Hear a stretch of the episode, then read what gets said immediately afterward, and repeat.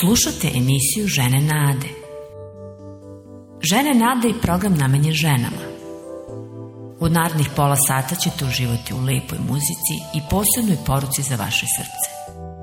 Ostanite uz nas.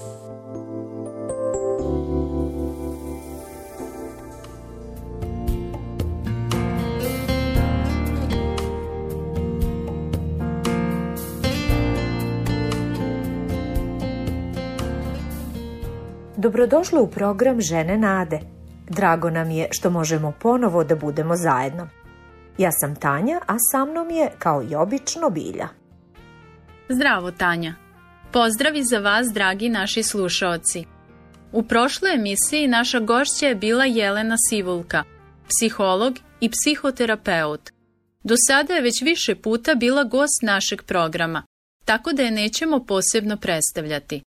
Svakako, ako ste slušali neku od naših emisija u kojima je ona gostovala, znate da ona zaista ima šta da kaže i da, iako se do sada suočavala sa različitim problemima i iskušenjima, Bog ju je ojačao i sada koristi njene poruke jer pomažu onima koji prolaze kroz slične okolnosti. Ona nam je iskreno i veoma otvoreno govorila o patnji i bolu, i o tome zbog čega Bog ponekad dopušta da se dešavaju loše stvari. Takođe nas je ohrabrila da nastavimo sa traženjem Boga, da slušamo njegov glas i da čekamo na njega bez obzira na to u kakvoj se situaciji nalazimo. Pre nego što damo Jeleni reč, pročitat ćemo jedan odlomak iz Svetog pisma koji se nalazi u pesmi nad pesmama pročitat ćemo celo drugo poglavlje. Ovo je na neki način povezano sa onim o čemu će nam Jelena večeras govoriti, jer govori o čistoj ljubavi između muškarca i žene, onakvoj u kakvoj je Bog želeo da uživamo.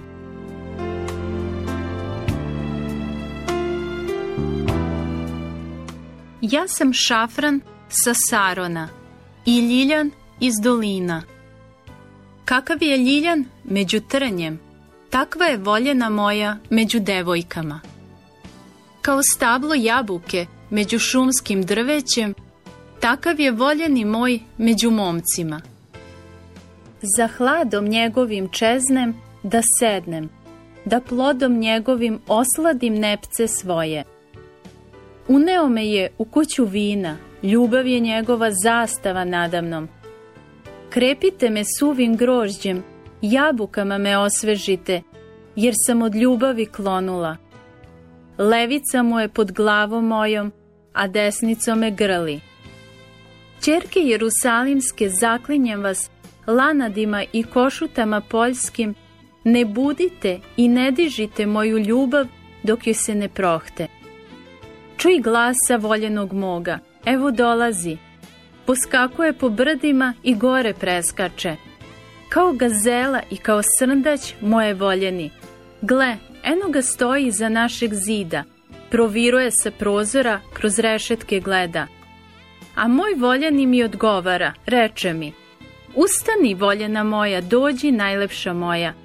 Evo zima je prošla i kiša u minu prođe. Zemlja je procvetala, stiže vreme orezivanja. Po našoj se zemlji čuje cvrkut grlice. Plodovi rani pupe na smokvinom stablu, vinogradi cvatu i mirisom odišu. Ustani i dođi, o voljena moja dođi. Golubice moja u raselini stene zaklonjena u vrleti. Daj mi da ti vidim lice, daj mi glasa da ti čujem, jer je glas tvoj meden i lice tvoje ljubko. Lisice nam pohvatajte, lisičiće što satiru vinograde, jer naš je vinograd u cvatu. Moje dragi moj, i ja sam njegova, među ljiljanima on pase. Vrati se dok dan ne mine i senke ne iščile. Kao srna budi, o voljeni moj, kao srndać na brdima što nas dele.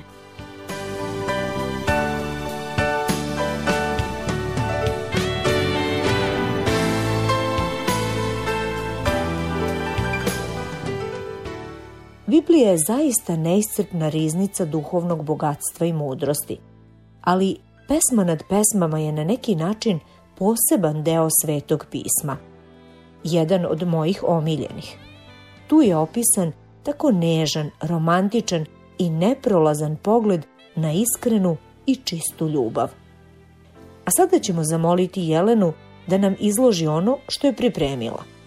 Pre toga pozivamo vas da nam pišete. Adresa je Žene Nade, Poštanski pregradak 37, 11060 Beograd ili da nam se javite putem telefona 062 396 331. Zapratite nas i lajkujte našu stranicu Žene Nade na Facebooku i Instagramu. Izvoli Jelena.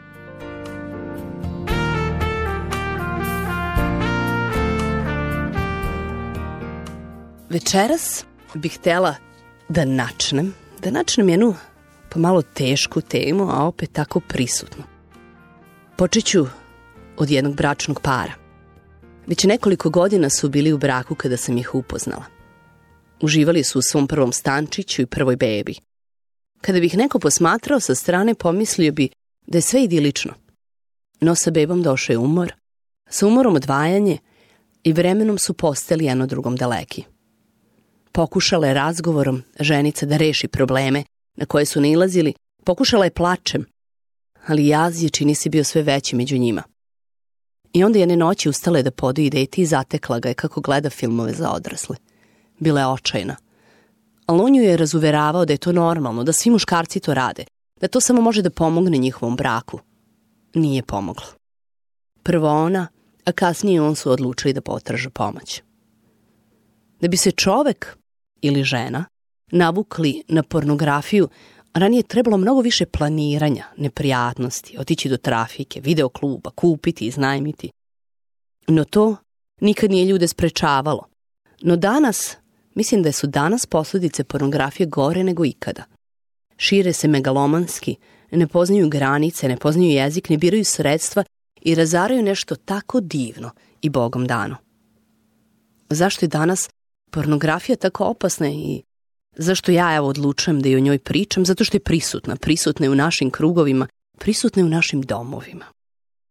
No, moderno vreme, moderno vreme je sa sobom dovelo razvoj tehnologije i povećanje kvaliteta života, međutim, sada u nekom postmodernizmu, gde je poruka jedite, pite, budite veseli, kao da ne postoje više norme, granice. Možete da probate šta hoćete, želje su ogoljene i proslavljene, Ako te nešto ispunjava radi, nema dobrih i loših želja.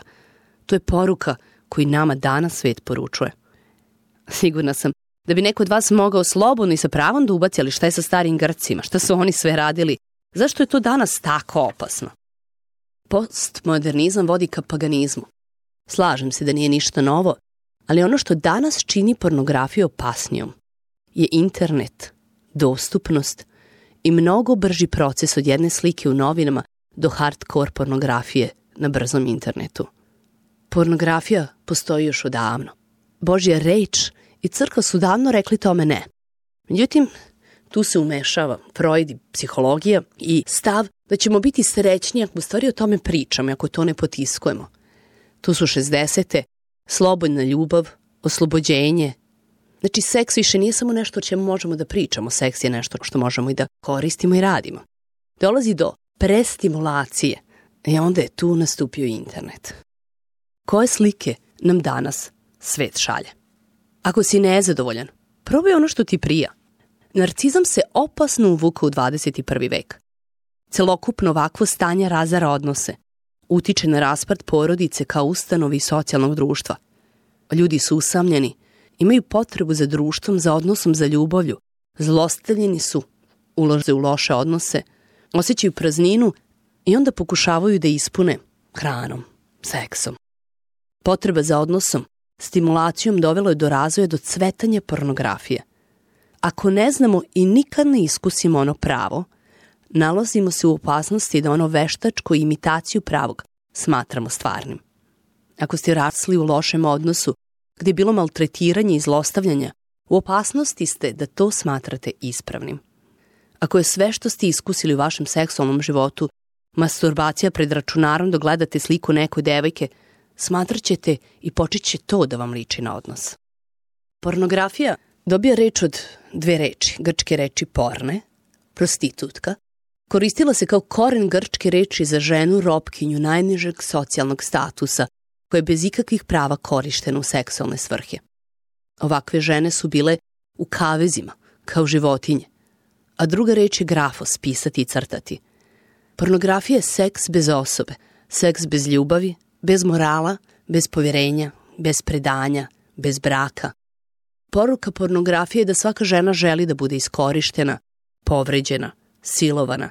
Kad kaže ne, da u stvari možda misli da. Pogledajte hardcore pornografiju. Ne mislim bukvalno da je pogledate. Ona je seksualnim nabojem ispunjena čime? Zlostavljanjem žene. I ako mislite da to danas nema nikakve veze sa prosečnim čovekom, pogledajte šta samo puni naše bioskope, koje se knjige najviše prodaju, koliko nijansi sive i o čemu one govore. Statistika kaže, iako ljudi tvrde da ne gledaju, statistika kaže da nekih 98% korisnika su muškarci i najčešće su osobe muškog pola 12 do 17 godina. I žene isto tako gledaju pornografiju, tako da izvinjavam se ako sada češće budem spominjala muški rod i ženski je tu prisutan, ali statistika govori da prednjači muški. 2003. godine bilo je 1,3 miliona pornografskih web stranica. Danas je više od 260 miliona stranica. Malo ću se poigrati sa statistikom, ne poigrati, nego ću je prosto navesti, ali ovo je zaista više od same, samih brojki i same statistike. Dvana se svakodnevno dodaje oko 200 web stranica. Porno industrija u Americi donosi godišnje između 10 do 14 milijardi dolara. Broadway donosi 600, čisto da imate neku predstavu. 97 milijardi dolara u svetu donosi pornografska industrija. Danas pornografska industrija zarađuje više nego profesionalni ragbi, košarka i bejsbol zajedno. U celom svetu mesečno posećuju porno sajtove 72 miliona ljudi. Više od 20.000 slika mesečno su povezane sa dečijom pornografijom. Prosečno 20% internet pornografije uključuje decu, 47% žena tvrdi da je pornografija problem u njihovom domu, u dve trećine brakova koji su se završili razvodom, internet je bio značajan faktor. Prosečno godište kada deca bivaju izložena internet pornografiji je 11 godina – Najveći potrošači internet pornografije su deca od 12 do 17 godina. Mladi koji su izloženi seksualnosti u medijima imaju veću šansu da stupe u seksualne odnose sa 14 godina, 15. Jedno od sedam dece koje je na internetu biva seksualno vabljeno. Danas se govori sve više o pedofili kao nečiju normalnom. Postoje časopisi, postoje blogovi. New York Times je izjavio pornografija je jedinstven biznis – Svi govore da ne gledaju, a biznis cveta. Adolescentna seksualna znatiželja je normalna i zdrava pojava razvoja čoveka. Generacijama mladi traže slike oskudno obučenih devojaka u maminim časopisima ili tatinoj nacionalnoj geografiji. Ali danas je situacija malo drugačija. Internet i kablovska televizija nudi mladima sve od neprijatnih scena do hardcore pornografije. Ranije su mladi morali se pomočiti, kao što sam malo pre spomenula, da pronađu neke golišave slike u podrumu među tatinim časopisima, danas je običan lajk u svega nekoliko klika mišom ne ilazi na pornografski materijal koji njihov nedovoljno razvijeni seksualni identitet ne može ni da stvari. Napredak i količina pornografskog materijala koji danas bombarduje mlade umove svakodnevno dovodi u pitanje mogućnosti socijalnih nauka da proizvedu modele tretmana koji bi trebalo da stanu u korak sa svim promenama koje se dešavaju. Neko bi nazvao ovakvo surfovanje internetom delom zdravog seksualnog razvoja, ali sve je više stručnjaka koji ukazuju na opasnost pornografije na um mladog tinejdžera. Možda je sad zgodno da napomenem šta je erotika. Erotika je suprotno pornografiji. Seksualnost predstavljena bez iskorištavanja partnera. Uzajamna je, obaziriva, ima interakciju. U filmovima Često možemo da vidimo erotiku. To je delić onoga što je Bog zamislio kada govori o odnosu osoba suprotnog pola. Biblija nije protiv seksa, ali istovremeno govori o granicama koje se trebaju poštovati da bi osoba uživala u seksualnom odnosu. Seks je nešto divno. Pogledajte samo pesmu nad pesmama, biblijsku knjigu koja tako otvoreno govori o tome. na otvoren gotovo erotičan način. U zdravom seksualnom odnosu nema eksploatacije, nema nasilja, nema iskorištenosti. Pornografija je još nešto. Ona je velika laž. Osoba je fascinirana, privučena nečim što nije odnos, prema nekome ko nije osoba. Sa ženom na internet stranici nema prepirki, one nisu komplikovane, ne traže od vas da se pomirite, da se dogovorite. Koje su to beneficije pornografije? Ili drugim rečima, zašto se neko odlučuje za pornografiju, a ne za pravi odnos? Mi smo na kraju kreva biće koja vape za odnosom. Stvoreni smo da izgrađujemo odnos. Zašto se i neko i kako se neko navuče na ovako nešto? Pod jedan, manje je komplikovano. Da bi muškarac imao seks sa svojom ženom, evo kažu opet te statistike, on mora 48 sati pre odnosa da bude nežan prema njoj, da bude pažljiv, da bude brižan, da bude strpljiv. I onda, 48 sati kasnije, u proseku, će se njegov trud uroditi plodom. Ko bi da se gnjavi sa tim nekad? Po dva, ne morate da radite na sebi i na svom problemu. Ako osoba ima strah od odbacivanja, ovo je mnogo lakše, brže, je ona tamo na internetu te nikad neće odbaciti. Po tri, ljubav je davanje, a požuda je primanje. Ovde odmah dobijete šta želite bez ulaganja. Njegove potrebe ili njene budu odmah zadovoljene. Četiri. Oslobodit će vas napetosti. Tu je doduše Freud i bio u pravu. Muškarac nakon napornog, ispitnog roka, ispita, svađe, brige, posla, ima je seks da bi se opustio. Seks kod žena najčešće proizilazi iz potrebe za odnosom, međutim muškarci prosto nalaze negde, ajde kažem, ventil da se i opuste. I ovde nalaze, eto taj ventil. Kad možeš da ćutiš, ti ne govori, samo se tiho Bogu pomoli, neka ti gospod izleči rane u tvojoj duši zorane cvane. Oh,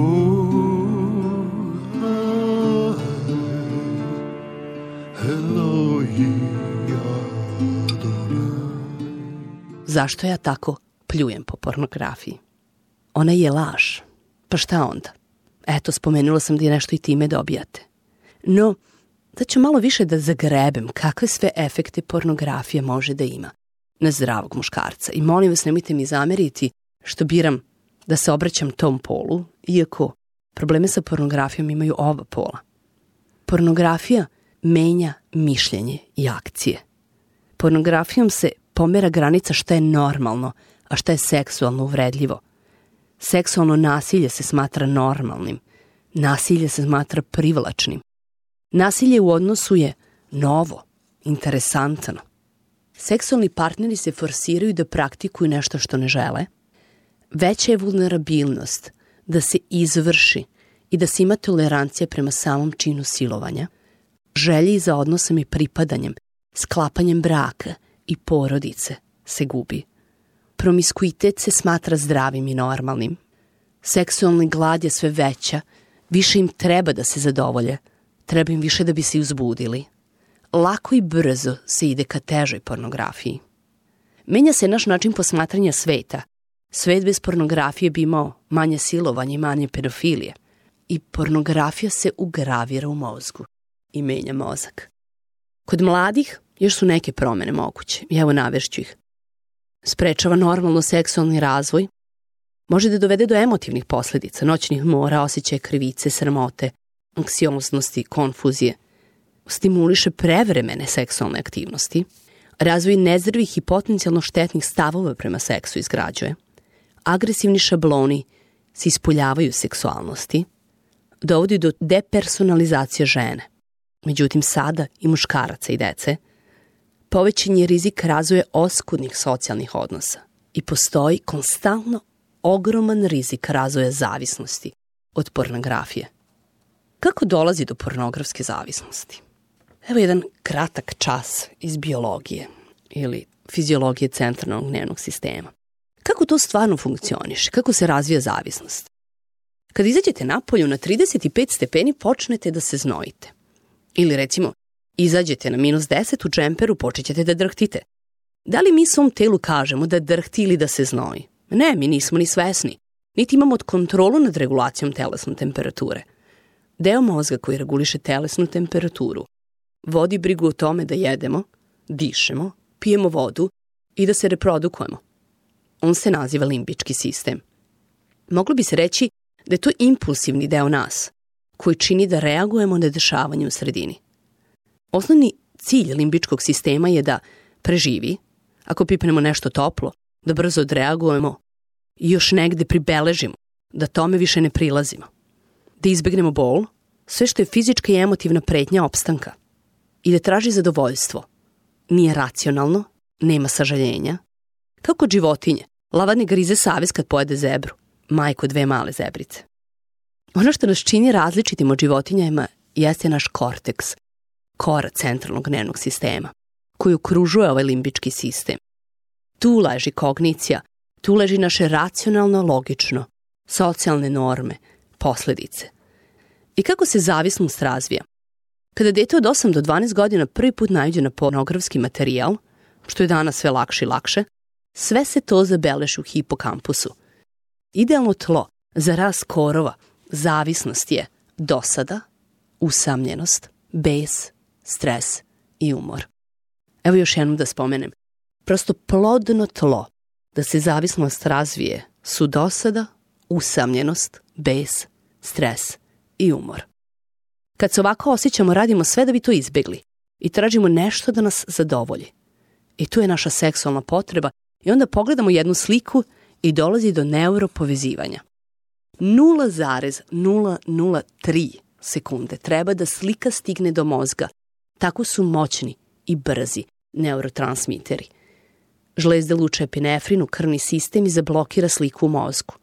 Kada se ovo desi, jednostavno pomisao na sliku može sada da dovede do osjećaja uzbuđenosti. Evo jedan mali test. Koliko vas se seća prvog poljubca? Prvog puta kad ste videli sliku gole osobe? To se ne izbriše. Zbog čega? Serotonin, adrenalin, endofrin i dopamin odrade svoj deo u stvaranju euforičnog stanja kod osobe. Sve ovo stvara jaku želju, zavisnost kao kod zavisnik od kokaina, heroina, alkohola, amfetamina. Sve ovo što sam objasnila vezano je za dopamin i dalje stoji. Slike koje ste gledali kada ste bili uzbuđeni su duboko ukorenjene i zabeležene u vašem mozgu. Naučnici kažu the nerve cells that fire together wire together. Nervne ćelije koje se zajedno upale, se zajedno i povezuju. Gledanje pornografskih sajtova pali nervne ćelije. One se povezuju. Dolazi do izbacivanja dopamina, ali kako se ta veza često javlja, dolazi do desenzitizacije. Dopamin je neophodan za naš libido i u početku ćete pomisliti da ona pomaže vašem seksualnom životu, a na kraju će vas orobiti. Mozak je veoma povučljiv, vama sada treba sve više i više da gledate i sve gore i gore stvari. E tada je plodno tlo i da fetiši postaju normalni. Bol do koje dovodi zavisnost od pornografije možemo staviti u nekoliko kategorija. Ona može da dovede do tajnovitog života i do cepanja. Ja živim prosto u toku dana jedan život, a onda živim posle jedan potpuno drugi. Krivice, stida, problemi u braku i distanciranje od Boga. No, nade ima. Danas ljudi govori otvorenije o tome nego ikada. Postoje grupe podrške, postoje ljudi koji su voljni da sa vama razgovaraju i da vam pruže pomoć i da zajedno sa vama u ovom mračnom tunelu zavisnosti hodaju. I evo par mojih poruka za kraj. Potražite pomoć. Znajte da niste u ovome sami i da niste jedini koji se nose sa takvim problemom. Iznenadili biste se da upravo u crkvi u koju idete u istom redu sigurno sede nekoliko koji se nose sa sličnim problemom. Budite iskreni sa Bogom. Zajedništvo sa Bogom neka vam bude prioritet. Kao prvo, on nije šokiran od već zna, on sve vidi i on vas kao priča o izgubljenom sinu čeka, kao otac koji jedva čeka da mu dođete, da vas prigrli. Iako volim tu sliku, jer taj sin nije stigo ništa da kaže, a on mu je već pritrčao, već ga je zagrlio, već ga je prihvatio. Tako naš otac želi vas, da prihvati i prigrli.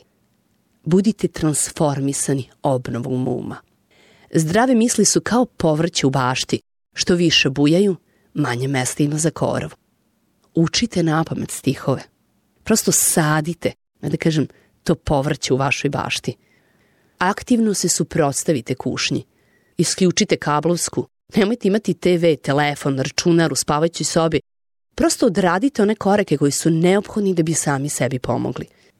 U zdravom telu je zdrav duh, govorili su nam kad smo bili mladi. Smo bili mali. Vežbajte. Zdravo se hranite i dobro spavajte. Kad smo odmorni, zdravije, bolje odluke donosimo i čvrsto ih se držimo. Izgradite grupu koji možete biti odgovorni, koja će vas prosto pitati gde se nalazite, koja će vas smatrati odgovornim. Planirajte pobedu. Veći je onaj koji u nama nego onaj koji je vani. On je na vašoj strani. On želi da vas oslobodi ovoga robstva i da uživate u nečemu tako divnom što je on pripravio, pripremio za sve nas. U tvojoj sili dotakni mi srce daj mi da te još više želim još više tražim još više volim. Otvori mi oči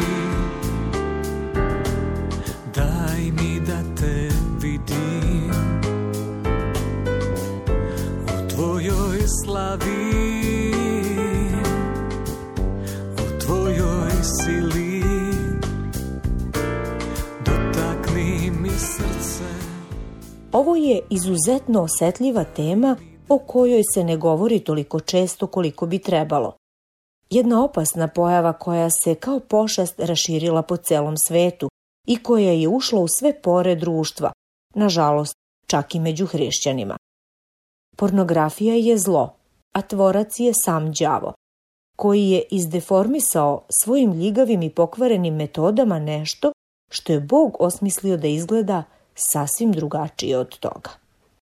Bog je želeo da muškarac i žena imaju prelep i blizak odnos, pun ljubavi i međusobnog razumevanja. Prava ljubav je nažalost odbačena, a zamenili su je olaka, prazna, sebična zadovoljstva. Zahvalni smo Jeleni što je ovog puta u našem programu govorila na ovu temu. Nadamo se da će njene reči doći do srca onih koji treba da čuju ovu poruku i da će im doneti razumevanje i oslobođenje. Iznenadili biste se kada biste znali koliko je ljudi oko vas u kanđama pornografije, čak i od onih u crkvi. Bog sve vidi i sve zna. Predajte mu vaš problem i molite se da vas očisti i da vam pomogne da se oslobodite ove đavolske zamke. Bog vas čeka kao dobar otac. Hvala vam što ste i danas bili sa nama u programu Žene nade. Ako vam se dopadaju naši programi ili imate neki predlog ili sugestiju, možete da nam pišete na Žene nade, poštanski pregradak 37, 11060 Beograd ili da nam se javite na telefon 062 396 331. Zapratite nas i lajkujte našu stranicu Žene Nade na Facebooku i Instagramu. Do slušanja. Do slušanja i neka vas Bog blagoslovi.